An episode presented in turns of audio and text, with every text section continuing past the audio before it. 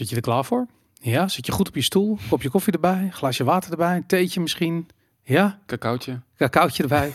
Daar gaan we, boom! Haha, jawel, we zijn we. Aflevering 60 alweer van Viva Valentine. Robert en ik zitten er klaar voor. Het houdt niet op. Het stopt nooit. Het nooit. stopt nooit. 6.0. Net als je denkt, die gasten gaan stoppen, stopt het nooit. Aflevering 60 inderdaad. Ongelooflijk.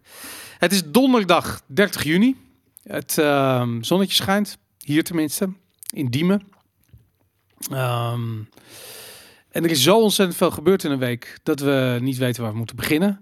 We gaan het vandaag hebben over de boeren, de superboeren, de boerenprotesten. Het, eh, het gejank van de, van de politici. En eh, daar gaan we het zo meteen over hebben. Natuurlijk lijkt me fantastisch. Ik, ik, ik, ik vind niks leukers dan huilende politici. Ik heb al ge- genoten van Sophie Hermans, die tassendrager van Rutte genoemd werd door Wilders. En die soort van huilend van het podium eh, verdween. Ehm, ja, dat is natuurlijk dat, hoogtepunten, hoogtepunten. Dat, dat moet gewoon een ringtoon worden. Het moet Of je standaard, ja. Of zo, weet je Nee, serieus. Ja, ze moeten in Den Haag eigenlijk elke dag moeten ze gewoon eerst even een uurtje huilen gewoon met elkaar. Dat is elkaar vasthouden en knuffelen en dan soort van daar, daar met hun knieën opgetrokken onder hun kin huilend in een hoekje zo schommelend, zo wiegend zitten. Totdat ze, totdat ze er weer klaar voor zijn. Dat lijkt me gewoon een heel gezonde ontwikkeling. Ik ga Hey, kijken. Ja, daarom. Hey, ik, had een, ehm, ik heb een kleine inflatievraag aan jou, Robert. En eigenlijk ook aan alle ehm, boeren die deze podcast kijken. En vooral melkproducerende boeren. Dat is mijn eerste dingetje waar ik me tegenkwam. Ik heb vorige week gezegd dat ik boter gemaakt heb. Ja. Nou goed, dus dat had ik gedaan. Geweldig lachen, eigen boter. Ik had zoute boter, ik had niet zoute boter. Het was grass-fed boter. Rauwe melk had ik gekocht bij de boer. En ik ben dat gaan maken. Het was verrassend makkelijk af. Het klinkt echt alsof ik eh, heel, iets heel ingewikkelds gedaan heb. Dat is het absoluut niet. Eh boter maken is echt super simpel. Eh, maar de, ehm, eh, waar ik achter kwam, is ik had er zo'n, weet ik wel, twee van die toetjes, bakjes vol met boter. En daar had ik, had ik een paar flessen melk voor gebruikt. Het was ik een beetje aan het rekenen geslagen. En toen kwam ik erachter dat ik voor een kilo boter 22 liter melk nodig heb. 22 liter rauwe melk. Nou, ik als simpele sterveling betaal bij de boer 1 euro voor een liter rauwe melk. Ehm, dat betekent dat ik 22 euro aan kosten kwijt ben. Nou, vertelde iemand mij eh, via Twitter van nou, het is een dingetje. Of via Instagram geloof ik. Melk wordt duurder, ook voor die grote corporaties die melk inkopen, weet je, zoals eh, Melkunie en, en Campina en weet ik veel, dat soort bedrijven. Die betalen nu richting de 60 cent eh, voor een liter. Laten we voor het gemak even gewoon 60 cent zeggen voor een liter melk. Dus als ik, als ik een kilo boter wil maken, alleen al voor de melk 22 euro, euro nodig heb om de, om de grondstoffen te kopen, om melk te kopen. En dan ben ik nog niet eens begonnen met maken. Dan heb ik de uren of weet ik veel wat, het moet nog verpakt worden en in een doosje gedaan en whatever en naar de supermarkt gebracht worden. Dus ik zat er even te denken van, stel je voor dat je dat commercieel eh, wil doen, zo'n boterbedrijfje, dan ben je toch al heel snel eh, ja, weet ik veel, als ik zou moeten eh, scha- schatten, eh 25 euro kwijt aan gewoon productiekosten. Dan heb je nog een voor een kilo boter, hè, hebben we het over. Eh, dan heb je natuurlijk nog. ehm, ja, weet ik het. eh, eh, misschien moet je de BTW over betalen, lijkt me wel. Ehm, nou goed, heb je nog je transport. Nou whatever. Er komen nog allemaal dingen bij. Stel je voor dat een supermarkt er ook nog wat aan wil verdienen. Dus 30 euro voor een kilo boter is niet vreemd. Nou, dan heb je 15 euro voor 500 gram boter. Als ik niet naar de supermarkt ga en ik koop 500 gram boter. En zelfs als ik eh, niet gewoon de boeren Campina boter koop, maar echt Franse met fleur de sel, eh, mooi verpakt met een creatieve blauwe outline van een boer erop. Dan, ehm eh dan kost me dat, weet ik veel, 7, 8 euro. De helft. Mhm. Hoe kan dat? Hoe kan dat? Hoe, waar blijven die kosten? Dus dan zou je zeggen van oké, zelfs als je als naar de commerciële melkprijzen kijkt, dan alsnog eh, is zo'n inkoper van melk is 60 cent per liter kwijt. Ehm, dat betekent, nou ja, eh, 22 liter weer voor een, eh, voor, voor, voor, voor een kilo, eh, keer 60, eh, weet ik het, 15 euro nog wat, 16 euro, weet ik het. Zoiets, maar niet 8 euro, soort van. eh, ehm, luister, ik maak, ik maak vergissing. Ik betaal 8 euro voor 500 gram boter, voor een pond boter. Dus voor een kilo boter zou je dus inderdaad 16 euro kwijt zijn. Maar goed, dan komt het uit, uit Frankrijk of weet ik veel wat. Dus nog steeds denk ik van ja, dan, die 16 euro, daar zit alles in. De transport, de, de winst voor de supermarkt, de, de gekoelde opslag. Alles zit daarin. Dus dat kan niet. Waar komt dat geld vandaan? Hoe, hoe kan dat rekensommetje kloppend zijn voor Campina of voor de Franse eh, boterboeren? Wat denk je dat er aan de hand is, Robert? Ja, ik heb natuurlijk vijf minuten over na kunnen denken sinds... eh, Sinds ik dat net zei. En, en voor, net voor de opname had ik ook een klein beetje over. En ik dacht in één keer, je hebt nog wel een bijproduct. Klopt. Dus wat, wat je hebt. Dus je hebt karnemelk natuurlijk ook, wat wordt verkocht als karnemelk. Ja. Eh, wat ik nu net even zat te googlen, aan het praten was, eh, wat tussen de 1,40 euro en 3,50 euro kost per liter. Dat kan heel goed. hè. Dus dan heb je, zo, je hebt natuurlijk twee producten bij, dat, bij het maken van, van boter die je kan eh, verkopen. ja, Dus dat, dat, dat heeft mijn hoofd net bedacht in de tussentijd dat je tegen me, dit tegen me vertelde. Maar ik dacht ook, wat we daarvoor over hadden, is dat natuurlijk ook onwijs veel subsidies naar de landbouwsector gaan. Daar hebben we het Ja. de afgelopen tijd niet over gehad. Maar ik vertelde net al dat de Europese Unie is een beetje, was een beetje gebouwd op het geven van landbouwsubsidies. Het grootste deel van de begroting ging altijd naar landbouwsubsidies. Ik heb na aanleiding van de uitzending van vorige week nog even opgezocht, maar nog steeds gaat 40% van het gehele budget van de Europese Unie naar het landbouwbeleid. eh, ja. Dus daar, daar nou, ik kan me ook indenken dat, eh, ehm, al is, is het wel hervormd afgelopen, eh, is geloof ik twee, twee keer hervormd sinds het begin van de, dat ze ermee begonnen, twee of drie keer. Eh, dus het is niet meer dat die, die, die melkplassen en boterbergen van vroeger, omdat men betaald kreeg voor de productie, dat is alweer voorbij. Maar nog steeds zijn er wel eh, subsidies voor, voornamelijk ook verduurzaming en dat je, het- dat je het beter doet, ecologisch, dat weet ik Ja. allemaal. Dus ik weet niet wat, daar, wat, dat, wat daarin zit, maar ik gok eh, een, een, een, ver, een bijproduct wat je kan verkopen en subsidie en staatsinmenging, waardoor het misschien eh, ja ik denk en, en misschien, ik heb, ik heb ook, we hebben heel veel, ik weet niet, ik heb heel veel reacties gekregen na, nadat ik de boer. Ja, daar gaan we het zo ook over hebben. De- over, de, over de stikstof. daar ook over, maar ik bedoelde over ons botergesprek. Heel veel Oh, mensen die me hebben gemaild over en ge- en geappt over boter en rauwmelkse boter en waar ik het kan kopen. En dat ook dat waar ik het over had, ehm, eigenlijk in ieder geval in de zomer bijna alle roomboter in de winkel grasboter is. En dus ja, bij de keuring van Waarden, even nog geke- eh, Ja. gekeken. eh, de Waarden, keuken. dan Ja.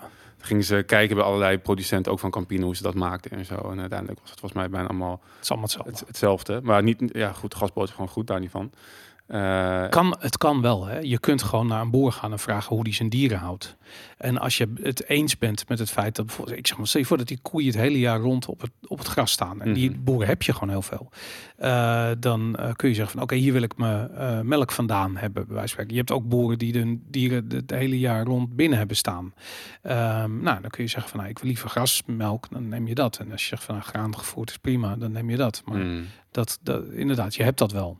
Ja, dus, daar, dus ik, ik heb een, een beetje een kijkje gekregen ook in hoe eh, dat pro- productieproces eruit ziet. En ik gok dat natuurlijk ja, een beetje schaalvoordeel, maar subsidies en een, enigszins goed verkopend bijproduct. Maar ik- dat is vast niet alles. eh, Er is nog eentje. Boter is heel lang houdbaar.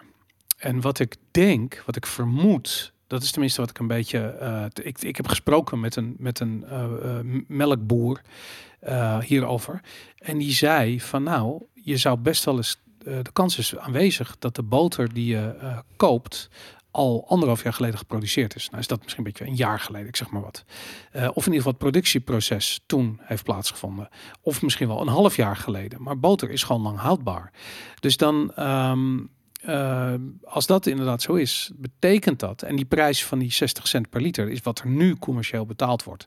Dus de prijs die je nu betaalt gaat zich vertalen naar de boter die de aankomende paar maanden in de supermarkt terecht gaat komen. Dus de prijs van boter gaat als een gek omhoog.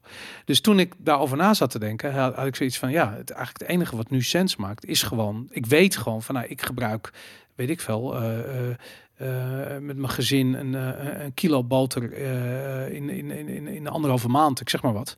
Weet je wat ik moet doen? Ik moet gewoon wat boter gaan kopen. Weet je, ik moet gewoon een stuk in mijn koelkast moet ik gewoon inruimen voor boter, want dat gaat heel erg duur worden. je, je, denkt, je, je denkt dat je nu met zeg maar, je, je eigen productieproces heb ontdekt dat, er, dat we een, een, een, een prijsstijging van boter Ja, we staan aan de vooravond van een exponentiële prijsstijging van boter. Ja, Hmm. ja, Het, absoluut. ik moet zeggen, het stijgt, het, het, het, het, steeg al een beetje afgelopen maanden. Ik zag de Ja. boterprijs al iets, iets omhoog gaan inderdaad. Maar, Ja. maar dat betekent dat hij dat gaat verdubbelen dan? Hij gaat exponentieel. Hij gaat zeker verdubbelen. Ja, dat want als je nu, ehm, eh, ik weet dat als je bijvoorbeeld gewoon bij de Albert Heijn echt die Zaanse hoeven, dat is ongeveer het goedkoopste merk wat ze hebben, daar betaal je, ik dacht voor 400 gram betaal iets van 4 of 5 euro, zoiets. Weet je, nou, Mhm. de- de- de- ja, dat betekent dat je, volgens mij 4 euro. Dat betekent dat je voor 8 euro, en misschien is het wel 500 gram, ik weet het niet, maar dat je ergens tussen 8 en 10 euro kwijt bent voor een kilo eh, boter bij de Albert Heijn. Kopen, kopen, kopen. Echt serieus. Dat is, daar ga je straks gewoon. Ik heb meestal al een kilo liggen in mijn koelkast, maar dat is dan, Ja, eh, nou, maar dan ga je straks gewoon 20, eh, eh, 20 euro voor betalen en daarna 30 euro. Dat zit er gewoon aan te komen. Ik eet ook gewoon volgens mij een halve kilo of kilo boter per week of zo. Boter is heel gezond. Daar hebben we ook nog wat reacties over gehad inderdaad. De tijd dat vet eten verketterd werd en Ja. dat er gezegd werd dat je daar hart- en vaatziektes krijgt, die tijd ligt achter ons. Was Goed. Ook, er was ook iemand die reageerde, dit las ik vanmorgen, ehm, die eh, nu wel door had dat wij geen fans zijn van vega, vegetarisch of veganistisch eten. Ik ben nog eens een keertje vegetariër van het jaar geworden. Ja, ja, ja, dat dat heb ik volgens mij wel eens verteld. Ja, ik ben, ook, ik ben ook vegetariër geweest. Er was ook een reactie onder haar of zijn ehm, opmerking. Maar ja, zij of hij, Koetje Boe heette die. account. Koetje, ah, kijk, ja. Maar die eh, was wel dus vegetarisch en zei die had, die had eh, volgens mij een stofwisselingsziekte of een bepaalde ziekte, chronische ziekte. En Ja. wat ging nu toch overwegen naar de uitzending van vorige week om dus even de andere kant te proberen. Dus een Ja. dier, dier, dierrijk vet. Of, ja, dier, Vetrijk dier. vetrijk dier dieet. Oké, ja, ja. eh, te proberen om te kijken wat het doet. Dus ik eh, ben benieuwd. Ja, nou, hou ons op de hoogte. Ik, eh, ik wens je al het beste. Ik weet dat heel veel mensen, zeker met chronische aandoeningen en allerlei soorten stofwisselingsziektes, maar ook hormooninbalansen, gewoon heel veel hebben aan een ketogeen dieet. Maar verdiep je daar vooral in. Ja. Vlees speelt een belangrijke rol in een ketogeen dieet, maar het hoeft niet. Maar je hoeft niet vlees te eten. Ik wil het is te combineren met, eh, eh, met, met vegetarisch eten. Ik kon dat niet. Dat is de reden dat ik weer vlees ben gaan eten. Hm. En toen ben ik meer over vlees gaan leren. En nu heb ik zoiets van, jezus, had ik zo dom kunnen zijn. Maar goed, dat is een ander verhaal. Hey, eh, nog even vorige week. Ik was natuurlijk, ja, weet je, mijn, mijn grootste blooper nu in de afgelopen eh, 60 afleveringen was dat ik niet het verschil tussen stikstof en CO2 wist. Ehm, daar heb ik heel veel reacties over gehad. Uitnodigingen Ja. ook van boeren, dank daarvoor. Eh, maar ook ehm, mensen die zeiden, ja, dat heb ik ook. Mhm. Ehm, hoeveel mensen denk je die er, dat er zijn die gewoon nooit hebben nagedacht, want dat was bij mij het geval, over stikstof versus CO2? Ja, ik denk dat dat, eh, dat, er, dat dat er veel zijn. Dat dat er heel veel, ik denk het ook. Ik denk dat die hele stikstofcrisis gewoon op de rug van die CO2-klimaathysterie gewoon doorheen geramd wordt. En het is, want- ik heb eh, Arno Wellens, die zijn, wel- heeft op zijn website ehm, ja, echt fantastisch artikel geschreven waar hij ook die, die Natura 2000 kaart eh, gelinkt heeft. Dan kan je even zien hoe, hoe ze dat in Nederland voor ogen hebben. En hij heeft ook van de provincie, want hij komt uit zo'n dorpje wat geteisterd wordt door die Natura 2000 terreur. Ehm, heeft hij van de provincie heeft hij een soort plan of soort toekomstplan eh, online gevonden, waarbij de huizen al ingetekend staan in de boerengebieden die straks onteigend moet worden. Hmm. En, dat, eh, en de provincie zegt, oh sorry, dat was een, eh, dat was een vergissing. Weet je, Ja, dat snap ik. ik. zal eventjes kijken of ik zijn, eh, zijn pagina, want ik, ik had... Ik vond het wel mooi ook over, nog even over dat, dat- dat CO2-stikstof eh, verhaal. Dat sommige mensen die, zei, die waren een soort van ook verbouwereerd dat we het niet eruit geëdit hadden. Nee man, fuck dat. Ik bedoel, ik hoef me toch niet te schamen voor het feit dat ik iets niet weet. Sorry, ik ben ook een mens, weet je. Ik kan Nee, dingen ja, niet weten. Ik precies. snap dat ik een domme sukkel ben, Ja. absoluut. Vergeef me daarvoor. Maar dat is nou... Kijk, je kunt niet van alles alles weten. En sommige dingen daarvan weet je dat je ze niet weet. Weet je, daar kan ik soort van proberen omheen te navigeren. En dan geef ik Robert het woord en dan, doe ik- en dan lach ik. Ja, natuurlijk, weet je. Maar sommige dingen weet ik niet dat ik ze niet weet. Zoals dit, weet je. Ik wist niet dat ik het niet wist. Anders was ik er niet zo vol blind ingevlogen. Maar En ik, dat- ik, ik vind het ook een aparte opmerking, omdat volgens mij de hele, zeg maar, ik, ik wilde een keer al een keer eerder hierover hebben, ik het eigenlijk niet gedaan, omdat ik een keer ben getrapt in de videovak van ehm, die, C- die Pfizer CEO, Ja. waarbij hij Oh, ja, zei ja, dat, we, dat hij 50% van de bevolking minder wilde hebben, of zo het ging. Het was een andere uitspraak. Er is een door dat zo leek, maar het was iets anders. Ja. Toen zei ik ook van ja, ik, omdat de mensen. naar de show kijk, natuurlijk om scherpe en gevatte en eh, logische eh, meningen over de, de, de current day, de current thing, de clowns world. Ja. Maar we zijn geen journalisten en ook geen autoriteiten op, op bepaalde gebieden. En volgens mij is juist mijn idee, wat jij net ook zeg maar als, als zegt van ja, ik ben een mens, is die menselijkheid terugkrijgen in de samenleving, zowel in de media. Goed als het zo te verkopen. Wat bedoel je? Dan gewoon dat we hier gewoon zitten te ouwe hoeren, eigenlijk. Ja, maar, maar, het is, maar de grap is, het is zo zeldzaam geworden, normaal ouwe hoeren, Ja. dat het, dat het veel kijkers trekt. Want de politiek doet het niet, de media Nee. doet het niet, bij Jinek doen ze het niet. Nee, ze gaan het gesprek uit de weg zelfs, Ja, letterlijk. Ja, Precies. En, en het wordt, ik heb eerder gezegd, Jinek, die bereidt gewoon de hele dag voor. Die doen de hele generale repetitie met elkaar. En daarna gaan ze het gesprek nog een keer doen. ja. Het is zo nep als het maar kan. Het straalt geen menselijkheid uit. Maar je hebt ook geen authentiek. tijd. Het kost vier minuten. Je hebt vier minuten de tijd om iets te zeggen bij, bij die op één of Jinek of weet ik veel. Dat ook. Maar ook los, daar, ook los daarvan wordt die vier minuten wel nog een keertje gescript van tevoren, zeg maar. Het is niet dat je daar vrij even lekker zegt wat, Dat je, wat ook. je denkt. En dat, Ja. dus het hele idee dat, je het, dat het eruit had geëdit moeten worden, gaat zo tegen waar we volgens mij hiermee bezig zijn. Namelijk een, een oprecht authentiek gesprek voeren waar fouten gemaakt mogen worden. Dat ik, ik was echt flabbergasted dat iemand dat, een kijker dat suggereerde. Ik, Nee, eh, maar het is ook de verwachting waarmee mensen kijken naar media. En ik vind dat, dat best wel interessant. En ik kan me ook voorstellen... Kijk, als jij eh, eh, verstand hebt van, van stikstof en een stikstofcrisis... en je hoort mij zoiets doms zeggen... Ja. ik snap wat je denkt. Ik begrijp je oordeel volledig. En het is terecht. En ja, weet je, ik heb heel vaak dat als ik mensen iets over, weet ik veel, over media of over economie bijvoorbeeld, weet je, vind ik heel erg interessant. Ik vind monetaire economie fascinerend. Ik ben heel veel tijd kwijt om daarover te lezen en me daarin te verdiepen. En als ik dan soms mensen dingen hoor zeggen, ook politici, met name politici, dat ik denk van je zou beter moeten weten, precies wat je denkt als je mij over stikstof hoort. dan, eh, dan heb ik zoiets van, nee, wat doet die gek daar? Wie heeft die idioot aangesteld, weet je? En dan, Ja, maar dat, dat- en dat is ook zo. ja, dat is ook zo. Maar dat, ja. maar dat is weer inherent aan onze manier van kijken naar de mens. Namelijk de mens weet niet alles, is beperkt in zijn kunnen en, en weten. Dus moet niet gaan bepalen over de leven van andere mensen. Ja, klopt. Dus, dus dat, nou goed, dan is de cirkel weer rond. Nou, eh. en, en het is ook, ja, weet je, ik vind op het moment, eh, hoe heet het, tot Sigrid Kaag, minister van Financiën, werd benoemd. Toen had ik zoiets van, ja, op dat ogenblik is alle reden verloren. Dan heb je gewoon echt iemand die geen verstand heeft van economie en financiën als minister van Financiën. En dat, ehm, ja, dat is natuurlijk een probleem. Maar dit was een rant even tussendoor, terwijl je Ja. iets zocht over Arno Wellens. Ja, en ik, ik, ik, ik, kon het niet eens zo makkelijk. Ah, Hij oké. heeft het op Twitter. Dit is een site. Hij heeft hier. eh, hij heeft het over die. hij eh, Arno Wellens komt uit Fase. En hier deze, in deze. eh dit Natura eh, 2000 gebied.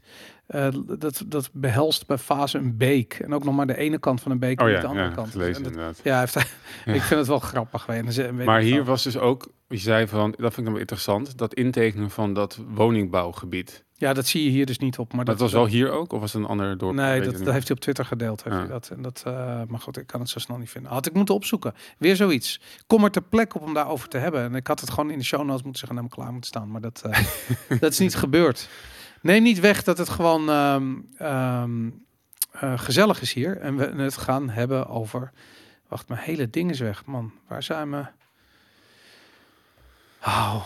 Waar gaan we het over hebben? Gaan we door met de boeren of gaan we het hebben over de... Ik, ik, ik had bovenaan de show notes iets gezegd over, over Leiden. Maar ik weet niet of je daar meteen mee wilde Ja, we laten het over Leiden hebben. Niet de stad Leiden. Nee. Het menselijke Leiden. Het menselijk Leiden. Je had het over een uh, video uh, op de, van het kanaal...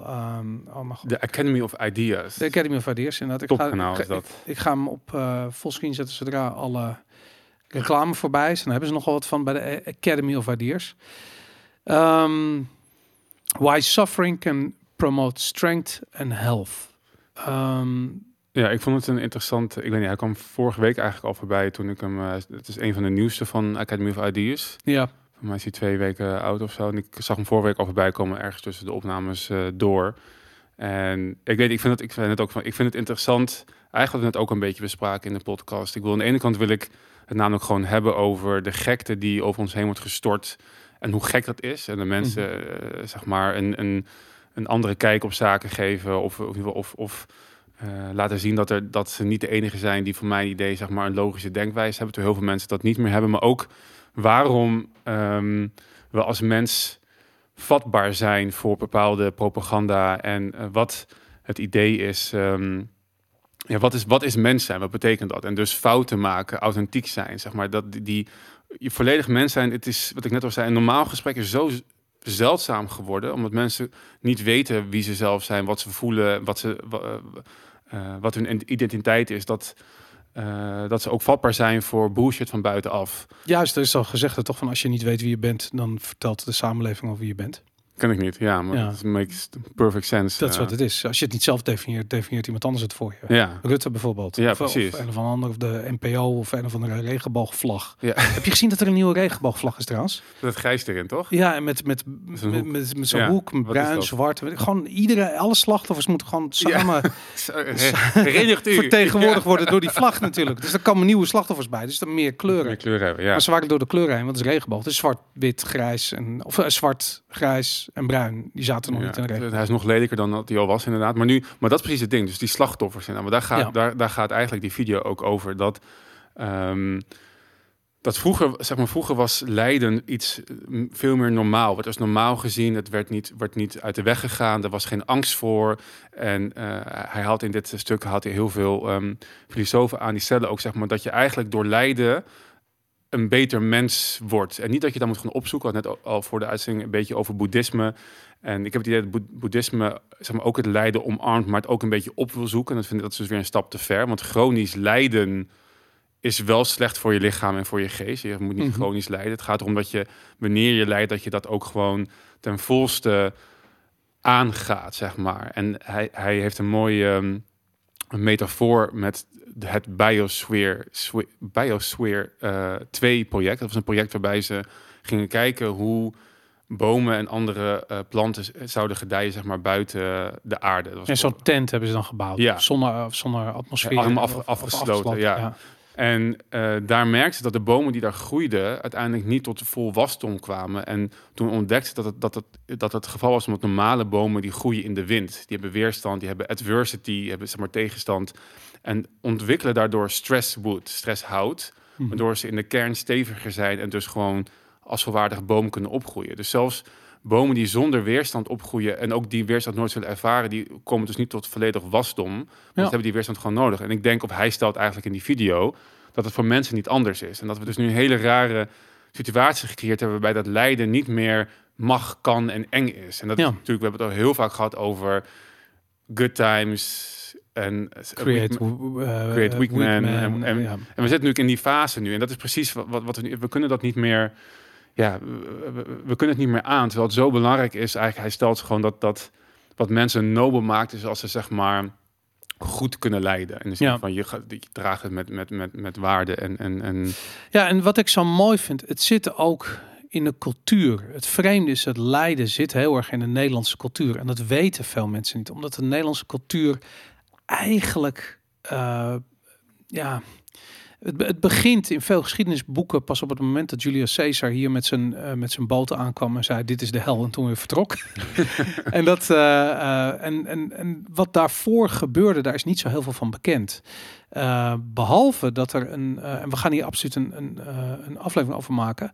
Er is een boek, er is een hele vette podcast met een kerel die heet Jan Ot. En die heeft de vertaling gemaakt van Oera Linda. En Oera Linda is een heel oud Fries uh, geschrift waarin juist wordt uh, verteld hoe de, um, ja, hoe de levensvisie was van de Friese. Ze leken heel erg op de Vikingen, ze waren heel nauw aan verwant. En dat, uh, um, goed, en er is natuurlijk allemaal discussie over hoe oud dat boek dan wel of niet is. Weet je, en sommigen zeggen dat het 2200 voor Christus geschreven is, anderen zeggen van dat het nou misschien wel uh, uh, later was, 600 na Christus, weet ik wat. Maar goed, het is in ieder geval heel erg interessant. En die, die, die, die, die hele dominante rol van de Friese.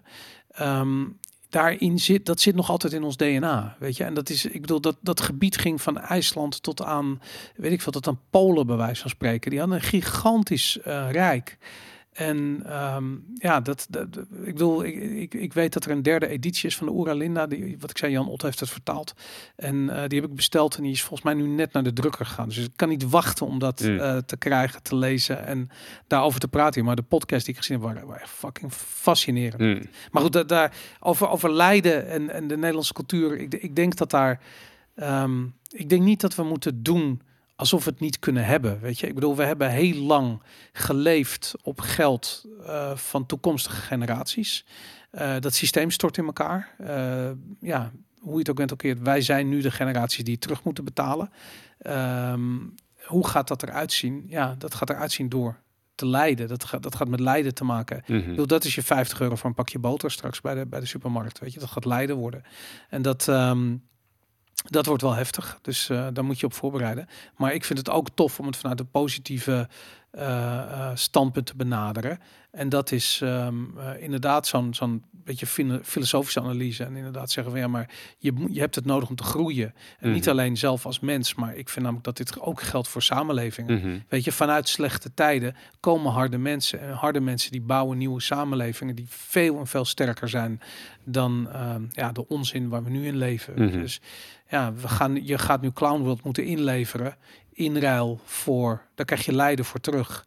Eh, maar dat creëert weer nieuwe tijden. En Mhm. het, is, het is de circle of life. Ja, ja, niet alleen inderdaad met ehm, het, het, het pijn voelen in je portemonnee, maar ook gewoon het loslaten waarschijnlijk van veel dingen waarvan je gelooft hebt dat ze waar zijn. En Ja, al je paradigma's, Al je al je, paradigma, je, wereldbeeld. Het, Mhm. het, gaat, het allemaal. Als sneeuw voor de zon zometeen. En ik denk dat dat het pijnlijkste is. Ik denk dat natuurlijk, natuurlijk is het, ik bedoel, ehm, niet kunnen eten of, of minder kunnen eten of slechter moeten eten omdat het allemaal te duur is. Dat is natuurlijk eh, extreem pijnlijk. Maar ik denk dat vooral eh, de pijn waar hij het hier over heeft, gaat ook over die mentale pijn. Die, die pijn die je ervaart als je jezelf wil verbeteren, zeg maar. Ja. Hoe, vaak ik, hoe vaak heb ik niet van de afgelopen tijd, zeg maar, iets ergens tegen een soort van opvatting van mezelf aangelopen waarvan ik dacht dat die waar was. En dan denk ik van nee, toch niet, ongelijk. En dan de, de, de pijn, of de steek die je voelt van om dat dan bij te moeten leggen, maar de groei die daarna ervaart, zeg maar, en waardoor het uiteindelijk weer beter is. Ik denk dat dat, dat is ook de, de, de turning of times waar we nu, ehm, ehm, ja, waar we nu in zitten. En, en mensen dus de kans krijgen om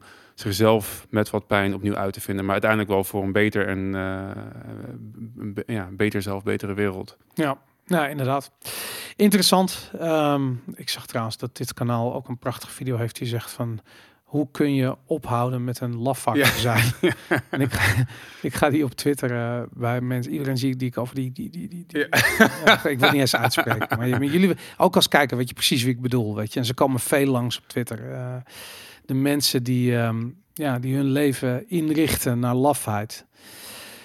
Zullen we het eens eventjes hebben, als we het over lafheid hebben. Ehm, Rutte zegt dat hij niet wil praten met, ehm, met de rellende boeren. Want, en dat staat volgens mij gewoon keihard vandaag op nu.nl. eh, ze, ze verpesten het voor de rest, zei hij.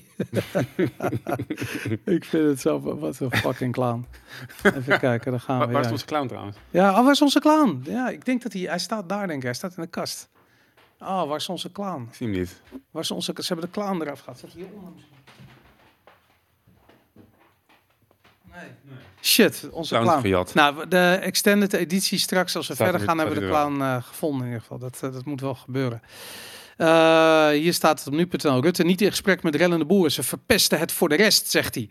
Ze verpesten het voornamelijk voor de politici, Ja. denk ik. Want de rellende boeren... ehm, eh, ik vind het... we hebben rellende Marokkanen gezien met de avondklok. Mhm. Ehm, en nu hebben we rellende boeren. En ik denk dat iedere keer als er gereld wordt, eh, dan gaat het om de inhoud. Dat vind ik opvallend. Weet je, waar je bij voetbal rellen vaak hebt. Zo van, nou, dat is rellen om te rellen.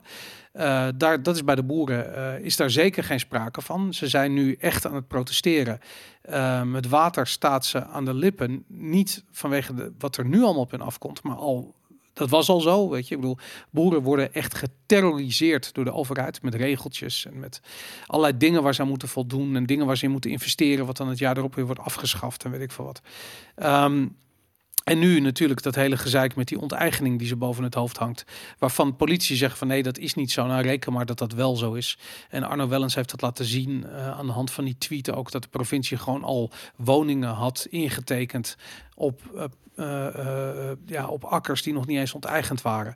Dat zit er aan te komen voor die boeren. Dus het is niet meer dan terecht dat ze ja, verhaal gaan halen bij die politici. En dan zeggen de politici van, ehm, eh, ja, die beginnen dan te huilen.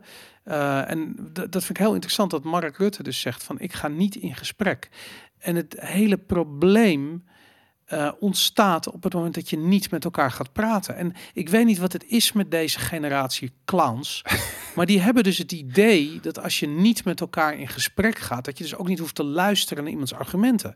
Terwijl iedereen weet, de hele reden waarom vrijheids van meningsuiting genoemd wordt in, de in het verdrag, universele recht, eh, verdrag voor de universele rechten van de mens, of universele verdrag van de rechten van de mens, waarom dat erin staat, is omdat als je niet met elkaar praat, omdat je bepaalde dingen niet kunt zeggen of dat er niet naar je geluisterd wordt, dan krijg je ruzie. En van ruzie komt oorlog en ellende en concentratiekampen en uh, allemaal kutshit. Doe dat niet. Praat met elkaar en ga niet zeggen wat iemand wel of niet mag zeggen. Praat met elkaar. En wat Rutte doet, uh, ja, ik ga niet praten, verpest het voor de rest. Ja, dat kun je doen totdat je het niet meer kunt doen. Totdat, je, uh, uh, totdat de boeren bij je in de tuin staan. En, um, um, en het allemaal gewoon niet meer zo fucking grappig meer is. Maar en hier, dit, dit is natuurlijk wat hij de hele tijd doet. Hij heeft, want het was voor mij drie, vier weken geleden een congres, VVD-congres, waarbij de meerderheid van de VVD-leden op het congres tegen de stikstofplannen heeft gestemd van de VVD. Ja. Toen heeft Rutte gezegd, uh, toen, toen wilde hij volgens mij wel een gesprek nog, maar we, Ja. gaan niet, we gaan niet veranderen. Had hij Nee, gezegd. inderdaad. Ja. Nee, maar omdat het is Rutte in zijn eentje. Die hele partij bestaat niet meer. Weet je, de VVD is, het is een, het is een, eh, het is een clownvoorstelling geworden. Mhm. En die sowieso, weet je, die hele partijpolitiek, en nee, daar moeten we het een andere keer over hebben, maar dat, eh, dat klopt voor gemeter. Zo is het nooit bedoeld als wat we hier hebben. Ehm, ik heb net een boekje aangeraden gekregen wat daarover gaat, maar dat, dat, dat gaan we misschien later een keer bespreken. Ik had, zag nog een andere, ook die staat regelrecht onder dat eh, artikel van, eh, eh, van Rutte. Eh, ook CDA-Kamerlid Dirk Boswijk thuis opgezocht, de boze boer. Ik vind het mooi dat hij, kijk zijn voorhoofd, dat zwetende voorhoofd. en dan zegt hij ook, deze manier van demonstreren dient geen enkel doel. Stop ermee, schrijft Boswijk op Twitter. Op het moment van het incident waren zijn kinderen van 4 en 7 jaar oud thuis, vervolgt de CDA.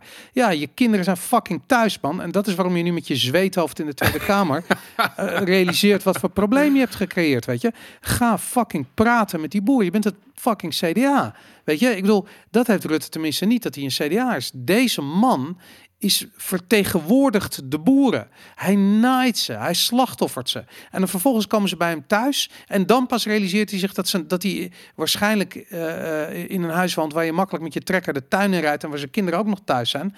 Nee, weet je, ik wil... Ja, ik weet niet. Als jij een totalitaire dictator wil zijn, dan ga je in ieder geval niet. Uh, dan moet je dat niet doen uh, als je een heel kwetsbaar gaan wonen. Weet je, ik bedoel, ja, de boeren rijden je tuin binnen en dat is heel vervelend voor je. Maar ga eerst eens eventjes nadenken over wat je doet. En, en vooral dit gejank, weet je, dat, dat, daar kan ik nou echt niet tegen.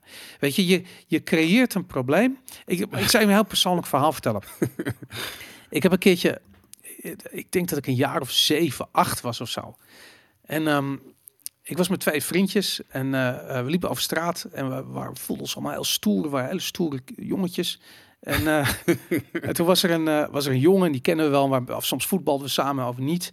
En die kwamen we tegen. En die stond, weet ik veel, hij stond net, net eventjes volgens mij op zijn balkon, weet je, eerste verdieping. Grote, was echt zeker drie jaar, drie, vier jaar ouder dan ik. En ik weet niet, die werd een beetje heen en weer gescholden. en toen zei ik iets over zijn zus. en uh, nou, van het een kwam het ander. We stonden alweer om de hoek. En toen was hij dus naar beneden gerend. En um, ik kijk omheen en mijn vriendjes waren weg. en hij haalt uit. Nou, ik had een flinke bloedneus. En, uh, uh, maar een hele wijze les geleerd. Echt een hele wijze les geleerd. en, ik en ik zal nooit vergeten dat ik toen echt dacht van... Kut, dit had ik kunnen zien aankomen. Ja. Ik weet nog dat ik daar, dat ik daar stond met het bloed in mijn. Ik had zoiets van, dit was echt best wel dom voor mij, weet je. Ik bedoel, en ik realiseerde me, ik, ik was dus, wat ik zei, ik was een jaar of zeven, acht, denk ik. En ik, ik, ik realiseerde me ten volste de fout die ik gemaakt had. En de fout was niet eens zozeer dat ik zijn zus had uitgescholden, wat natuurlijk dom was en lomp was en wat ik nooit had moeten doen. Maar ja, kids, weet je, nou, goed. Maar ik realiseerde me dat de situatie niet uh, evenredig was. Weet je, ik bedoel, ik had gerekend, ik had aannames gedaan die volledig verkeerd waren. Ik had gerekend van we zijn met z'n drieën. Dat waren we helemaal niet. Die modellen klopten niet. Mijn modellen klopten niet. Precies dat, mijn modellen klopten niet. En dat is wat deze uh, politici, ik zie ze allemaal hetzelfde doen. Kijk, ik was zeven of acht. Ik heb ervan geleerd. En ik heb, ik heb geleerd dat ik geen klootzak meer moet zijn. Ik heb geleerd dat ik niet ruzie moet zoeken met mensen die sterker zijn dan ik. Ik heb geleerd dat ik geen alle aannames moet doen uh, over uh, dat ik op anderen moet rekenen. Maar ik heb geleerd op mezelf te kunnen vertrouwen. Maar deze politici doen dat niet, weet je. Ik bedoel, je ziet ze allemaal zo van, oh nee, ze weten, ze komen bij me thuis en de politie moet erbij. Ik ga niet in gesprekken wat er ook gebeurt. Al deze mensen zijn ruzie aan het zoeken met iemand die veel groter en sterker is dan zij. En we hebben het hier niet over fysiek geweld. We hebben het hier over mensen die voedsel produceren. Deze lul, Dirk Boswijk, is afhankelijk van die boeren. Hij, hij heeft twee kinderen. Die kinderen moeten eten, toch? Die willen toch ook kaas op een boterham als ze naar school gaan? Hij is verantwoordelijk daarvoor. En dan gaat hij ruzie zoeken met, met, met, met, met de persoon die hem moet voorzien van voedsel.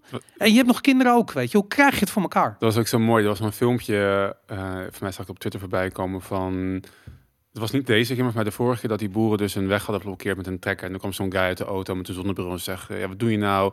Weet je, hoe, wie, je verneukt het voor alle mensen hier in de rij, zeg maar. Wij proberen gewoon hier ons brood verdienen. En die gast zegt, oh ja joh, wie denkt dat je brood maakt dan? Ja, ja. En nu jij weer, zegt hij dan. liep hij weg. Die gast bleef heel beteuterd achter. Ja. ja. maar, maar dat, is, dat is exact waarom alle Nederlanders achter de boeren moeten staan. Want de boeren maken ons eten. Ik bedoel, als jij zoiets hebt van, fuck it, ik heb gisteren goed gegeten en de rest van mijn leven, nee, ik, ik zie er vanaf. ik, hoef ik drink alleen nog maar water. Dat was het. Oké, dan kun je je uh, veroorloven om te zeggen van nou weg met al die boeren. Maar als jij nog van plan bent om iets te eten wat vanaf een boerderij komt, en dat is ongeveer praktisch alles, dan, um, ja, dan zul je geen illusie moeten maken met boeren. Nee, en ik denk dat meer mensen ook daar. Ik had een tweet geplaatst vandaag, uh, want het is nu, nu zijn de boeren. Maar uh, jij zei een keer, uh, nu is het een Russische jacht, maar volgende keer is het je ijskast. Ja, ja, het begin wel, dus dit is het begin wel. Ja, ja, maar dit, is, dit komt in je ijskast terecht en nu niet meer als, je, ja. als ze deze productie naar het uh, buitenland verplaatsen. Dus moeten, ik had gezegd, moeten niet alleen een, een, een boer op, maar ook een boerenalliantie vormen. Want er moeten gewoon meer mensen, en natuurlijk de hele bevolking, maar uh, ik bedoel, ik kan me indenken dat havenarbeiders, vissers, uh, detailhandel, horeca, ik bedoel, er zijn er zijn meer sectoren die op, op, op, op nominatielijst staan, zeg maar, om uh, op, wat manier ook te maken te krijgen met de mhm. bemoeizuchtige overheid, als het al afgelopen twee jaar al niet duidelijk is geweest. Ja. Dus er moeten, ja, er moeten echt veel meer mensen, denk ik, hierbij aansluiten om, om nu gewoon in brede zin. Het gaat niet alleen maar om stikstof, maar het gaat om überhaupt de bemoeizucht van de overheid en het steeds meer in geding zijn van eigendom en, en, en, en uh, ja, weet je, je, je, je productie, je eigen productie. Ja, nou ja, absoluut. Ik, uh, ik, uh, ik, moest de hele tijd uh, denken aan, um, aan de quote van Ayn Rand. en die, um, die staat hier op, hij staat helemaal op Amsterdam Economics. Mm. When you see that in order to produce, you need to obtain permission from men who produce nothing, when you see that money is flowing to those who deal not in goods but in favors, when you see that men get rich more easily by graft than by work, and your laws no longer protect you against them, but protect them against you, you may know that your society is doomed. Mm. Dat komt uit Atlas Shrugged. Mm. Het is fucking fantastisch. Ik vind het een van de mooiste quotes. Um, ik, dit, dit soort teksten is waarom ik Ayn Rand echt fucking fantastisch vind. Ehm, en dit is precies waar het over gaat. Weet je, boeren moeten uh, toestemming krijgen van mannen die niets produceren. Rutte en ook die CDA waar we het net over hadden. En al die uh, niets zeggende, inhoudsloze ideeënbedenkers in Den Haag. Um, die produceren niets. En hardwerkende boeren. En geloof me, ik, bedoel, ik ik weet het inmiddels. Ik heb een paar boeren gesproken en ik kom er regelmatig. Dat zijn de hardst werkende mensen die er zijn.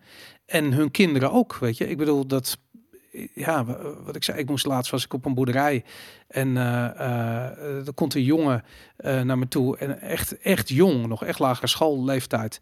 En, die, en ik kwam een trap kwam ik kopen. Of ik had de trap op, op Marktplaats gekocht en moest ik bij die boer ophalen.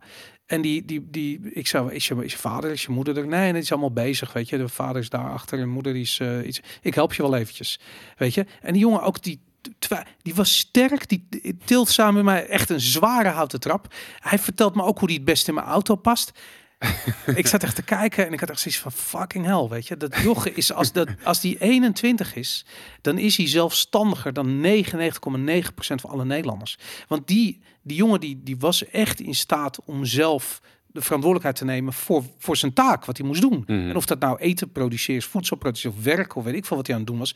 De serieusheid waarmee hij het nam, dat was fantastisch. Weet je, ik vond het echt, ik had zoiets van, krijg je dat voor elkaar? Heel knap. Maar goed, deze quote is En, van... en, hij- en hij is waarschijnlijk ook niet eh, ehm, eh, zo helemaal beschermd, opgevoed, afgeschermd voor lijden wat toch inherent is aan, aan het leven. En kan er dus al beter mee omgaan. Ja, nou ja, precies dat. Je krijgt er echt sterk. Ik vond het, da- daar had ik er steeds van, ja, dit, deze jongen is een hele sterke jongen. Eh, en die, ja, dat, dat soort eh, mensen heb je nodig om dit land weer op te bouwen. En dit, eh, deze Atlas Shrugged quote van Ayn Rand. Ehm, we, we leven dit nu op dit ogenblik. We zitten nu in de samenleving waarbij eh, de regels en wetten gemaakt worden die niet jou beschermen, maar hun beschermen. En dat eh, kijk met die ogen naar de QR-codes en naar de, eh, de avondklokken en het sluiten van bedrijven en het onteigenen van boeren en weet ik veel wat. Weet je, het is er voor hun, het is er niet voor jou. Ja, het is ook mooi, ik, ik kan het volgens mij niet zo snel vinden, maar de, de, in libertarisme zijn zeg maar, een aantal voorwaarden voor, voor wanneer iets jouw bezit is. En dat is net als je, de, als je er toegang tot hebt, is er eentje van, zeg maar, als je de fysiek, fysiek toegang tot hebt, als je ook bes- kan beslissen over wat je ermee doet. En er zijn nog een aantal van die dingen. En als je zo gaat kijken, gezien de huidige wet en regelgeving, en die quote zegt het ook al, dan heb, je- hebben we eigenlijk geen bezit meer in Nederland. Nee. Of eigenlijk nergens meer in de wereld. Omdat, omdat niet al die, aan al die voorwaarden wordt, wordt voldaan. Want zij kunnen jou het recht tot toegang ontzeggen. Zij bepalen wat je met je productiemiddelen moet doen of wel, wel of niet mag doen. Ja. Eh, zeg maar, jij, ja, het, het eigen, en dat is natuurlijk het probleem. Het eigendomsrecht is ehm, misschien eigenlijk gewoon niet bestaand meer. Eh, Ja. Het is afhankelijk van mensen inderdaad die... Je, ik vind jou nog te, te lovend als je zegt dat mensen in politiek Den Haag alleen ideeën hebben. Voor mij hebben ze niet eens ideeën. Ze zijn gewoon bezig met het, het maken van... Andermans ideeën misschien die ze dan op een gegeven moment soort aanhangen. Maar ik wil, het hangt er ook vanaf. Ik wil, ja, ik scheer ze allemaal over één kam. Maar natuurlijk is dat niet helemaal terecht, weet je. En er zijn, eh, weet je, ik bedoel- alleen over politici. Ja, nee, maar ook gewoon, weet je, ik bedoel, eh, je zou kunnen zeggen dat eh, Pieter Omtzigt of hoe heet het, Thierry of, of de, de andere forum gaat, weet ik veel. Of door de, misschien zelfs wel Lientje, Caroline van der Plas. Ik weet, weet ik het, weet je. Er zijn vast, het is vast genuanceerd. Alleen ik heb gewoon zoiets van, ja, het blijven allemaal mensen die eh, niets produceren. En sommigen hebben hun hart op de juiste plaats zitten en anderen kan het echt helemaal niks schelen. En dat is wat ik nu bij de, bij de regeringspartijen zie, eh, bij het kabinet. Dat zijn mensen waarvan ik niet het idee heb dat hun hart op de juiste plaats zit. Ze zijn met andere dingen bezig. En je ziet het op het moment dat Wilders eh, eh, Sophie Hermans confronteert met het feit dat ze de tassendrager is van Rutte. Hij raakt er precies waar het pijn doet. En dat is namelijk, zij zit daar voor haar eigen ego. Weet je, en ze heeft weet ik veel, tien jaar lang heeft ze die tas van Rutte gedragen en al zijn gezeik over zich heen gekregen. En nu eindelijk heeft ze die positie bemachtigd en nog steeds is ze er niet vanaf. En ze komt er ook nooit vanaf. Want ze heeft het niet zelf gedaan. Rutte heeft het een cadeau gedaan. En dat, ehm, ja, dat zijn mensen die, die moeten daar niet zitten. Weet je, we Mhm. moeten geen mensen hebben die voor hun ego in de Tweede Kamer zitten of in het kabinet zitten of die daar zitten voor geld. Of, nou ja, goed, dat geld dat ze verdienen nog wel mee, maar of voor macht, Nou of ja. weet ik het. Ja, Of niet toch, je, moet drie, drie- je hebt dinsdag, woensdag en donderdag zijn de vergaderdagen van de Tweede Kamer. Dus in feite werk je drie dagen voor een ton per jaar of zo. Ik weet het niet. Het is niet kap je een kilo boter voor. eh Ja, dat is waar, maar dat hebben ze ook zelf gedaan. Dus dat, Ja. eh, maar ik bedoel, de meeste mensen verdienen voor eh, bijna twee keer zoveel werken de helft. Ik verdien geen ton per jaar, inderdaad. Maar ik heb er zoiets van, dan moet ik die boter mezelf maken. Want anders kan je... Nou ja, goed. Juist, dat dus. Ehm rellende boeren. Eh, oh, ze zijn... ehm, ja, we, ze waren wel, ja, daar waren we, waren we naartoe. Hè. Rellende boeren zijn gisteravond bij de woning van Ja, dus dat- ja, van de geweest. Ja, Ja, dus nou, goed, we hebben en het door de eh, politie. gehad. Ja, En het wordt nu inderdaad gezegd als, als een aanval op, rechts, op de rechtsstaat en democratie. En ik vind het ook een mooi, de, de framing, als we toch weer even in het psychologische blij- blijven. Want het gebeurt hier, dat het niet willen praten, maar ook dat artikel heet eh, Boeren breken door blokkades bij huisminister. Ze willen zijn de blokkades bij een huis van de minister. Ja, dat is dus helemaal het- ding. Er was geen blokkade. Er stond één auto op de weg Ja. waar ze omheen zijn gereden. Die politieauto waar nu hooi in. Er werd hooi overheen geflikkerd inderdaad. En toen zijn ze er gewoon omheen gereden Ja. en daarna voor het huis gaan staan. Maar dit is natuurlijk een NOS. Eh, NOS is eh, wat dat betreft gewoon een propagandakanaal. Eh, zeker als het om dit soort onderwerpen gaat. Ehm, ik, ik, ik, vind het interessant dat het, eh, de manier waarop er eh, over wordt gesproken een beetje lijkt op die eh, weet je wat er op, op 6 januari is gebeurd bij, Ja. het, bij het Witte Huis? Weet je, dat ze ja, de, de, de opstand tegen het Witte Huis. Terwijl het was gewoon een demonstratie, weet je. De mensen waren niet bewapend. Het was gewoon, ja, die democraten maken er een soort drama van. En dat is hier exact, gebeurt hier exact hetzelfde. En ik denk dat het niet werkt, omdat ik denk dat het te, eh, de informatie die de werkelijkheid laat zien, te voor te veel voorhanden is. Ik bedoel, heel Twitter staat vol van bo- met boeren, met video's die zelf filmen hoe het daar precies Mhm. aan toe is gaan. Weet je, die minister, die minister is niet uit haar bed gesleurd en eh, eh, met pek en veren is dat uitge... Nee, die, die boeren willen gewoon in gesprek met haar. Die willen serieus genomen worden.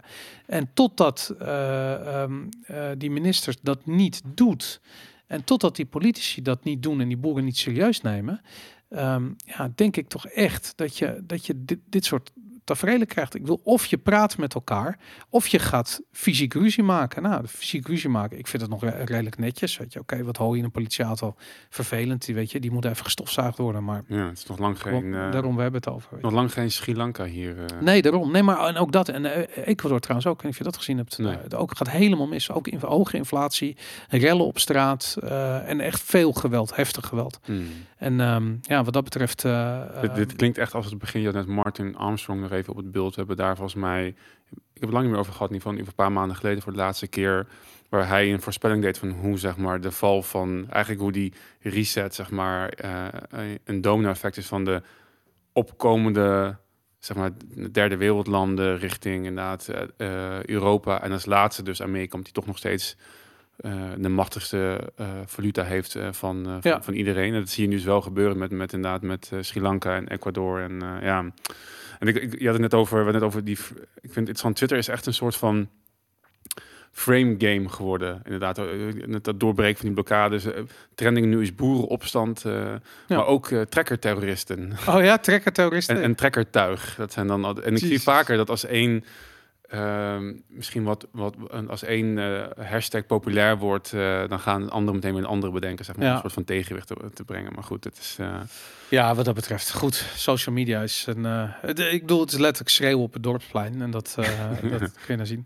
Maar het is interessant dat ze, dat, dat ze het ook een aanval op rechtsstaat en democratie noemen. Ik krijg dan toch een beetje namelijk... ik, ik heb vorige week dus ons... ehm, heb bij de NCTV, ik weet niet wat slim is. Ik heb dus ons gewopt wat het dossier van mij, van jou en van de podcast is. Kijken of dat er is. Oh ja, ik weet zeker. Ik bedoel, die zitten daar. Die, en ze, ik, ik zit er met, met popcorn en met koffie. Zitten ze daar met een biertje. Zitten ze allemaal lang uit onderuit. Nu te kijken naar Viva Valentine live. Maar als je kijkt naar ehm, de wetgeving rondom terroristen en aanval op rechts en democratie, dat is, dan ben je dus een terrorist. Dus als iemand dat zegt, politiebondvoorzitter, dan zeg, noem je dus boeren terroristen. En als je de boeren terroristen noemt, dan heeft dat bepaalde implicaties voor nou, wet en handhaving eh, Ja. en, en regelgeving daarom trend. En daarom lijkt het een misschien, eh, nou ja, goed, het, het is gewoon, het is één framing richting zeg maar. Maar dat is toch ook wat er in Amerika gebeurt met domestic terrorism. Dat soort van iedereen die op Trump stemt, wordt als extreem rechts Ja. weggezet. ja, ja. Weet je, terwijl Biden niet eens meer een volzin kan uitspreken. eh, hoe krankzinnig dat is.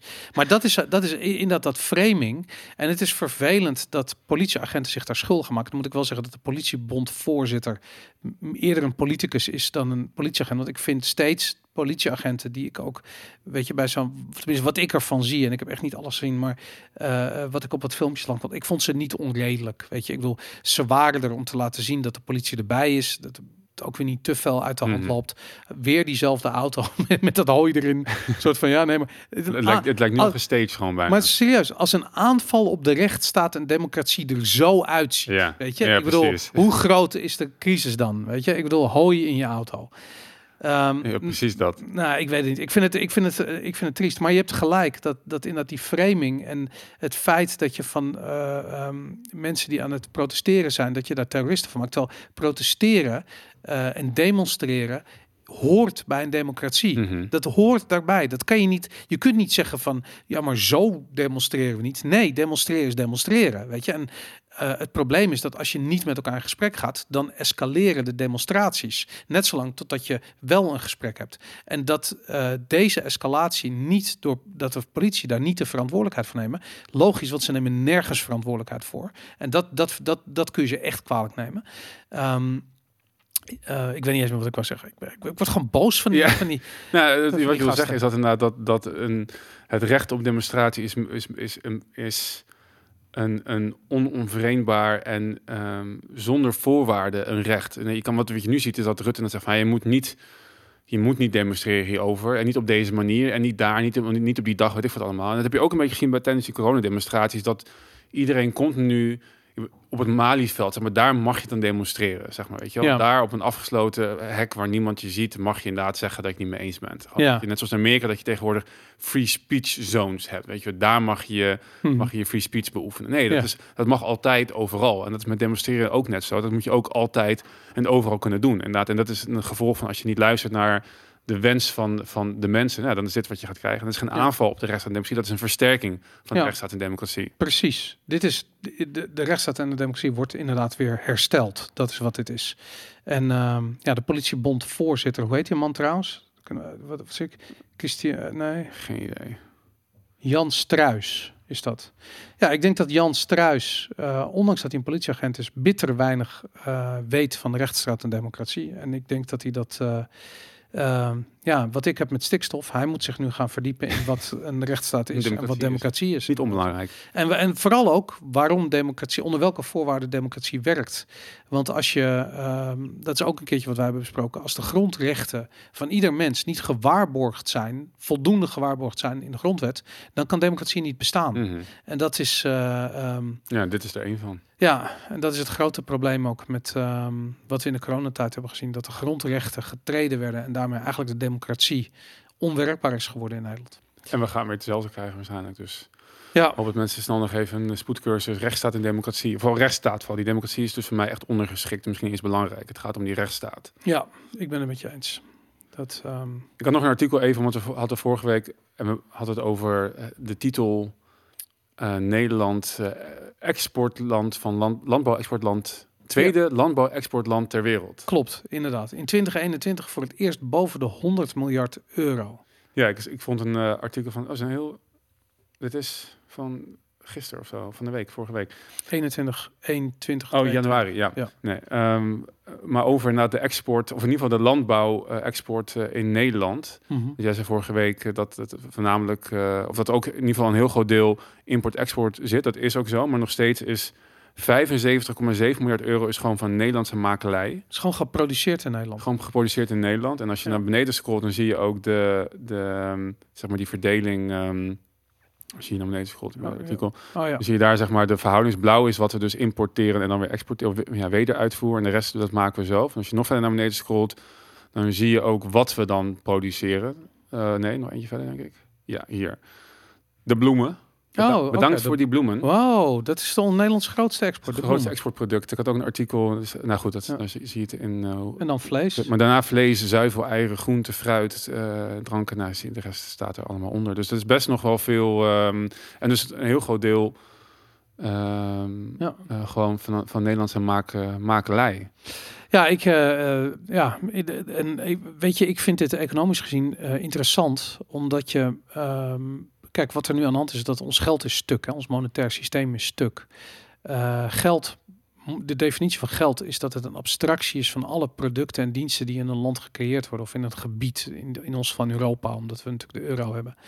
Eh, op het moment dat je productie eh, afbreekt of onmogelijk maakt, ehm, ben je daarmee eigenlijk nog verder je geld aan het ontwaarden. Omdat het geld wat in omloop, in omloop is, gedekt wordt door minder producten en eh, eh, diensten eh, die gecreëerd worden. Dus dat is iets. ehm, eh, dit heeft ook een. dus, dus het wegvallen van, ehm, eh, van productie heeft een inflatoire effect. Ehm, denk maar na, heel logisch. Op het moment dat er minder producten zijn, maar je hebt wel dezelfde geldhoeveelheid, dan zal dat geldhoeveelheid moeten concurreren voor de mindere hoeveelheid producten. Betekent dat die producten duurder worden. Dus wat de, in een tijd van zware inflatie is de overheid eh, ondernemen aan het eh, ontmoedigen. En dat was al zo met corona en dat is nu met de boeren. Ehm, en dat is heel vreemd, want daarmee zou je gewoon kunnen zeggen van de overheid is moedwillig bezig om ons systeem op te blazen. En, dat, eh, en ik denk dat dat ook zo is. Ik denk dat er ook daadwerkelijk een agenda achter zit. en een bepaald doel gediend wordt. ehm, eh, door die productie en diensten eh, terug te schroeven en die inflatie op te jagen. En zodat we uiteindelijk over kunnen naar een nieuw monetair systeem. Het probleem is, het gaat niet het monetair systeem worden waar jij heel erg blij van gaat worden. Want je wordt daarin gewoon een digitale slaaf. Net zoals je in China kunt zien hoe dat eruit ziet. Dat is de Central Bank Digital Currency die daarvoor gaat zorgen. Nou goed, andere aflevering gaan we verder over praten. Hebben we ook al een keer gedaan met, ehm, met Arno Wellens. Goed, uh, tot zover denk ik uh, de boeren.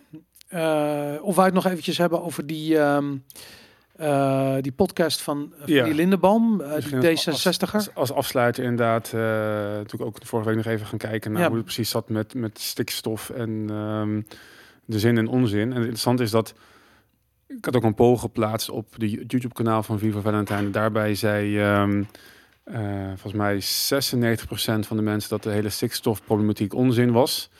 Uh, nou, dat, daar sta ik ook wel een beetje hetzelfde in. Maar het is interessant dat er nu een hoogleraar, uh, die, die, die, professor Lindeboom, was dus bij Marianne Zagerman in de podcast. En die vertelde daar over zijn studie naar een pinguïnkolonie.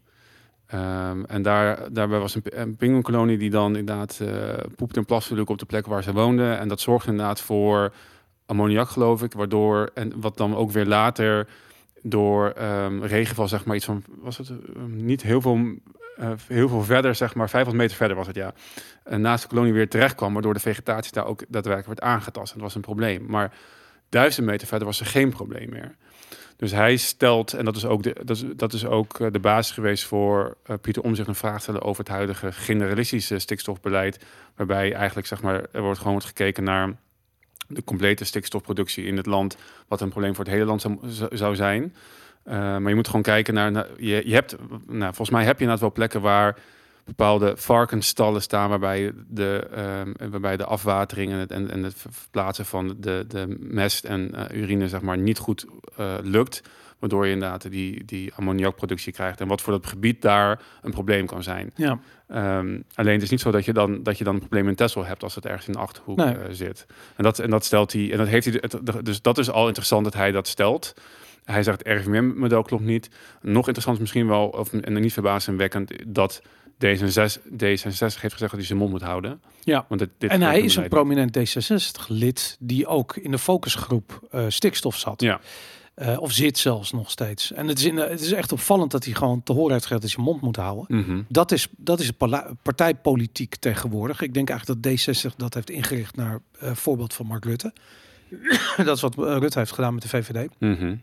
Uh, er, er, wordt gewoon geen ander geluid uh, getolereerd dan het, uh, um, ja, dan het geluid wat ze hebben um, zelf verzonnen en gezegd hebben van dit is, dit is ons agendapunt.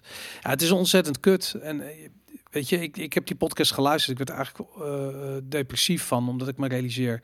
Het is gewoon de hele tijd weer hetzelfde. Je wordt gewoon de hele tijd geconfronteerd met hoe kapot die partijpolitiek is. En het feit dat we nu een kabinet hebben dat... Um, ja, bestaat uit partijen die eigenlijk allemaal hetzelfde zijn in die zin. Weet je, ze hebben een pro-Europese agenda, uh, anti-ondernemerschap, anti. Uh, um, ja, eigendomsrechten, individuele rechten. Precies, weet je, anti-grondrechten. Ja. Ik wil, dat moet allemaal geschonden worden. Het enige doel is een groot Europa en dat, dat moet er komen uh, terwijl de euro op instorten staat en het één groot mislukt experiment is. Het, um, en niemand van hun kan inzien van oké, okay, we zijn te ver gegaan. Uh, we moeten nu weer terug. En, dat, ja, en het, het vervelende is, uh, of ze worden weggestemd, of het escaleert nog verder, weet je. En nu zijn de boeren nog redelijk... Uh, um, ja, ik, ik, wat ik zei, ik vind het echt redelijk beschaafd zoals het eraan toe gaat. Mm -hmm. uh, maar ja, je kent het gezegde, elke samenleving is drie maaltijden verwijderd van de revolutie. Uh, dat is hier ook zo, weet je. En wat je, je denkt misschien van Sri Lanka is ver weg en Ecuador is ver weg en Turkije en Libanon zijn allemaal ver weg. Het is allemaal niet zo ver weg, weet je. Het kan zomaar hier gebeuren. Wij kunnen ook die euro echt, die is genomineerd. We gaan de Japanse yen uh, grote problemen zien zometeen. De euro grote problemen. Uh, dat is misschien nu al aan de hand. Um, ja, hoe, je, je, je hoeft alleen maar even je te verdiepen in hoe we ervoor staan. Uh, om je te realiseren dat van al die hoogdravende um, clown world politiek heel weinig terecht gaat komen op het moment dat mensen gewoon niet meer te eten hebben. En dat, uh, daar zijn ze hard, aan, hard voor aan het werk. Misschien nog even um, toch de, de aller, allerlaatste. Het mm -hmm. volgende linkje. Het gaat over de peiling van Maries de Hond. Over uh, eigenlijk de politieke gevolgen, wat je net ook een beetje stelt, van deze manier van politiek bedrijven. En ja. Ik heb mijn vraagtekens bij wat het gaat opleveren. Maar het is wel interessant om te kijken wat het nu in de peilingen uh, van Maurice Hond politiek gezien doet. En, want hij heeft, doet elke zondag natuurlijk een peiling naar wat zouden mensen stemmen als er nu Tweede Kamerverkiezingen zouden zijn. Ja. En daarbij zie je dus, dat was heb ik vorige keer, die keer daarvoor een keer benoemd, dat uh, uh, BBB al heel groot virtueel aan het worden uh, is. Ja. Maar in de peiling van 26 juni zijn ze de op één na grootste na de VVD, nog maar drie zetels verwijderd. Ja. Door de hele stikstofproblematiek. En wat ik interessant vind, los dat het interessant is om te zien dat de VVD, D66, CDA gewoon gedecimeerd worden in de peilingen, omdat ze volgens mij doen wat we net stellen. En mensen dat blijkbaar toch ook niet, uh, niet meer accepteren. Maar mensen snappen het ook en dat vind ik heel mooi, want um, als je gewoon kijkt naar hoeveel boeren, die, ja, die boeren, dat zijn er heel veel. Nee, uh, neem alle, je hebt 40.000 stemmen nodig voor een zetel, uh, heb jij me verteld ooit. 60 of 70. Oh, 60 of 70? Ja. Nou, ik, ik heb begrepen dat er in Nederland uh, nog niet genoeg boeren zijn voor drie zetels. Hmm. Dus dat uh, van Marianne Zwagerman over die dat in de podcast, in die podcast noemde. Mm -hmm. um, ja, dat betekent dat je dus heel erg veel Nederlanders ziet die begrijpen wat er aan de hand is Hmm. in Nederland. Die snappen hoe belangrijk de boeren zijn. Um, ja, misschien dat je. Uh, ik kan me heel goed voorstellen dat een millennial, de doorsnee millennial in Amsterdam of in Rotterdam of in Utrecht niet begrijpt dat vlees niet in de, in de, um, uh, hoe heet het, in de. in de supermarkt uh, ontstaat op magische wijze Groeit, ja. of groeit of hun sojaburgers uh, daadwerkelijk uh, hun niet voeden. Um, maar goed, weet je, de rest van Nederland snapt het denk ik wel. En ik, ik moet zeggen, ik vind het bemoedigend dat de BBB 17 zetels erbij krijgt. Ik moet je wel zeggen dat ook als het om corona gaat, ik de BBB ook niet ja, dat is, perfect vind. Dat is, dat is dus het punt inderdaad. Wat betreft corona en ik denk ook betreft Europa zijn ze niet kritisch. Want ik gok dat ze die 40% van landbouwsubsidies zeg maar niet uh, zelf uh, zouden willen gaan afschaffen. Dus ik weet niet of dit de oplossing is. Het is aan kant bemoedigend inderdaad, omdat het laat zien dat er een, dat er een toch een shift komt van, uh, van, van, van, wat er moet gebeuren in het land. Alleen, ik weet niet of BBB de partij is die dat gaat, uh, ga, gaat, uh, gaat brengen. Nou, wat ik ook jammer vind, is dat GroenLinks vijf zetels erbij krijgt. Ja. ja, die krijgen dus dat stijgt. Ik begrijp niet waarom. Ik begrijp niet wat zij laten zien, wat dan zo uh, vernieuwend is. Ik vind eigenlijk dat ze de plank volledig misslaan, omdat ze gewoon allemaal braaf achter Rutte aan, aan hobbelen. Weet je, die Jesse Klaver voegt echt niks toe. ik vind de SP opvallend stil. Nou, dat zie je ook. Die leveren ook twee zetels in. Ik, ik, in die hele, ik begrijp niet waarom de SP opeens met die identiteitscrisis uh, uh, in zijn maag zit. Uh, het CDA vind ik wel tof. Acht zetels eraf. Geweldig, gefeliciteerd. Ja. D66 nog beter. Twaalf zetels eraf. Is Dirk zo meteen zo'n zetel kwijt? Ja, inderdaad. Ja. Ik begrijp dan niet over... Nou ja, goed, ik snap dat mensen weggaan bij D66 en dan misschien Volt gaan stemmen, wat eigenlijk ook ja. gewoon D66 zelfde pro-Europa bullshit. Ik begrijp niet dat Forum uh, weer drie zetels inlevert. Ik snap dat ja, echt maar, niet. Maar Forum heeft gewoon te maken met uh, BVNL die de twee omhoog gaat en ja 21 die vijf omhoog gaat. Dus die ja. verliest gewoon aan die partijen. Ja, de, inderdaad. Ja 21 doet het ook uh, verrassend goed inderdaad. En was hier BVNL? Oh, ja, die krijgt twee zetels inderdaad. Ja. En waar staat de LP? Ja, helaas niet tussen. Drie zetels zometeen jongens bij de Tweede Kamerverkiezing. Maar wat interessant is, is dat zeg maar, hij zegt zelf, het is maar een paar keer gebeurd dat bij de peilingen naar politieke voorkeur, die ik de afgelopen 45 jaar uitvoerde, de verschuiving niet alleen een hele forse was, maar ook een vooraankondiging inhield van iets veel groters. En hij, deze peiling heeft hij vergeleken, uiteindelijk is een onderscrolled ook met de peiling die hij um, uh, vier jaar geleden heeft gedaan, nog eentje verder. Deze? Nee, naar beneden nog. Deze? Ja.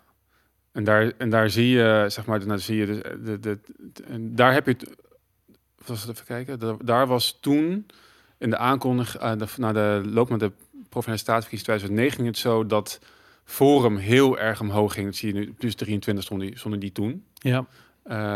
Um, en uiteindelijk de grootste partij van Nederland geworden is. Ja. En hij, hij trekt nu een parallel met dus de BBB, die um, uh, nu ze, na 17 zetels voor staat op hetzelfde moment van peilen, zeg maar, voor de provinciale statenverkiezingen van 2023.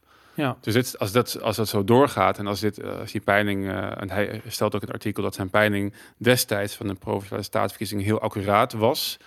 Ehm, dat zou betekenen dat BBB de grootste partij in de provincie wordt.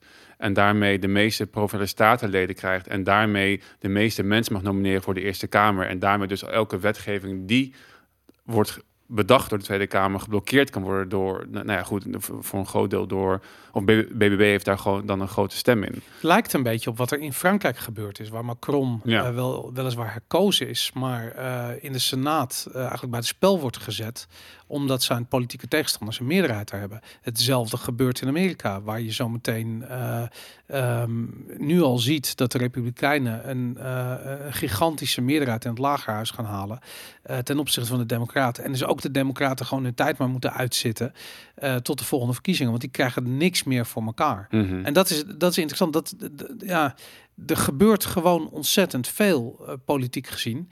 En ik denk dat het ook te maken heeft met het feit dat mensen echt wakker aan het worden zijn. Mhm. Dat eh, ze echt zelf gaan nadenken en gewoon echt zoiets hebben van ja, jezus, ik vond Rutte altijd de ideale schoonzoon en leek me zo redelijk en weet je, hij boostte me geen angst in. Maar ja, als je nu zoiets hebt van ja, Rutte wil niet praten met de boze boeren. En dan heb je zoiets van ja, maar misschien maak je je wel zorgen over de boeren. Waarom wil Rutte niet praten? Weet je, ik bedoel, misschien snap je waarom voedselproductie zo belangrijk is. Of misschien vind je het zelf wel belangrijk om je kinderen in de toekomst te kunnen voeden. Waar die CDA eh, blijkbaar geen last van heeft. Maar eh, dan heb je zoiets van waarom gaat Rutte niet met die boeren praten? Want dat dit probleem moet opgelost worden. En, dat, eh, en daarnaast denk ik eerlijk gezegd, ik denk dat onteigenen in Nederland wel degelijk een stap te ver is. Ik denk dat, Denk ja, ondanks- Zeker van niet. nou, ik- Het gebeurt, het gebeurt al jaren. ja, hoe? Ja, het, elke gemeente onteigent. Ja, Ik, bedoel, ik ben net weg bij de gemeente Amsterdam. En de gebieden... Jij zei nog dat je iemand ja kende. klopt. die- ja, die- een vriend van mij, die, ja. die ook luistert naar de podcast trouwens. Die Ja. heeft dat gehad. Ja. Dus bij Amstel, Amstelkwartier was dat geloof ik. Ja, daar. Worden de, die, daar wordt, daar is en nog steeds, en het gebeurt nu nog steeds, eh, wordt het gebied onteigend. Als je kijkt naar waar, waar de Bijlmer Baaiers eh, stond, daarnaast eh, heb je nu nog allemaal ehm, eh, van die, van, van echt De Wenkenbachweg. de Wenkenbachweg. En Ja. ja. daarnaast heb je allemaal van die, ja, van die loodsen, van die dat, is, dat is waar hij eh, woonde inderdaad. Ja, Ja, nou, daar heb je ook woningen tussen. Ik weet dat daar dus een wet voorkeursrecht gemeente op gevestigd is. Wat betekent dat je als eigenaar van de grond alleen maar mag verkopen als je gaat verkopen aan de gemeente. Ja, En dat is gewoon de voorbode van als je niet gaat verkopen, gaan we het je gewoon onteigenen. ja, En dat is in heel Amsterdam, en, maar ook buiten Amsterdam gebeurt dat regelmatig, omdat ze dan plek willen creëren voor, voor woningbouw. En ik denk dat zo, en ook met snelwegen natuurlijk, of met, met, met, met, met spoorlijnen en dat soort zaken, dat is, ja. eigendomsrecht is niet heilig. Dus het is al zo normaal voor de overheid om, de, te, om te onteigenen. Ik weet niet of ik het in de podcast een keer verteld, ook dat een collega zeg maar verbaasd was over het strikte eigendomsrecht in Japan, waarbij dat dus niet mogelijk was. Ja. Ehm, en dat hij dat verbazingwekkend vond, omdat, het, omdat, het, omdat je dan als overheid je werk niet zou kunnen doen.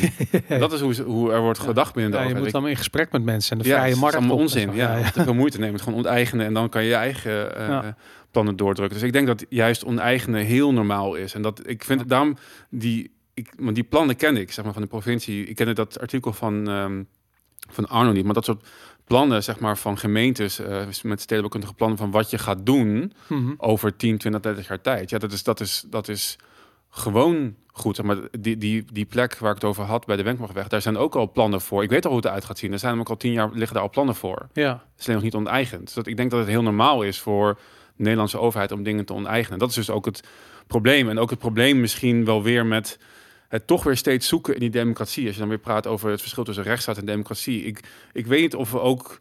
Misschien moet ook gewoon helemaal af van, van, van het idee dat, dat we dit eh, op, op een democratische manier moeten oplossen. En gaat het gewoon om het, het her, herwinnen van onze rechtsstaat en de rechten die daarbij horen. En dat gewoon beschermen. En niet verwachten dat Caroline of weet ik veel wie, of ik of wie dan ook uiteindelijk zeg maar, het, het voor ons gaat oplossen. ja.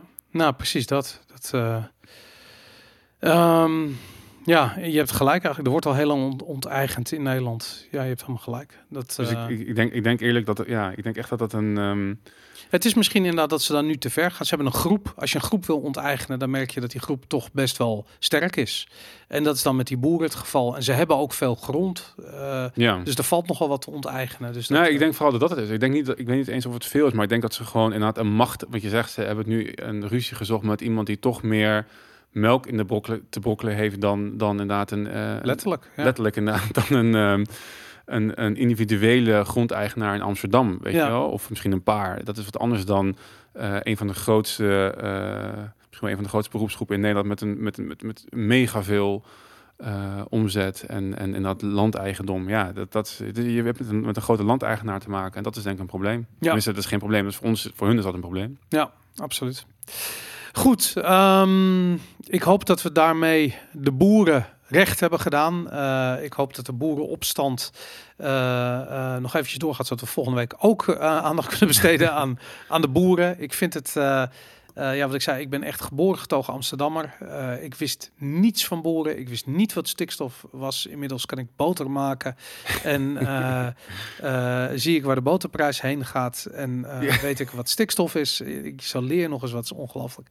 We gaan, ehm, ja inderdaad, we gaan zo meteen verder op vivorvalentine.com met onze Tribe Members Only aflevering. Als je nog geen Tribe member bent, ga naar vivorvalentine.com, join slash join streepje de streepje tribe. eh, eh, eh, slash en dan kun je daar lid worden. Dan support je ons, dan support je deze podcast en dan belonen we jou met nog een extra deel van deze 60ste aflevering van Vivo Valentine. In de tussentijd vergeet niet te liken en te subscriben op deze video. En ehm, ja, ben ik iets vergeten? Comment. Ja. Laat, je, laat je commentaar achter. Laat je commentaar tips, achter, fouten die je gezien hebt. Mail ons. Hello at. Eh, tips voor de redactie. Onderwerpen die we moeten bespreken. Laat het weten. Ja, tof. We gaan het zo meteen trouwens nog hebben over de hoge benzineprijzen. En hoe dat komt, waar dat precies vandaan komt. Nou goed, dat zie je in de, ehm, in de Tribe Members Only. En intellectueel Extra. eigendom. Intellectueel eigendom gaan we het ook over hebben inderdaad. Ja. Top. Thanks voor het kijken.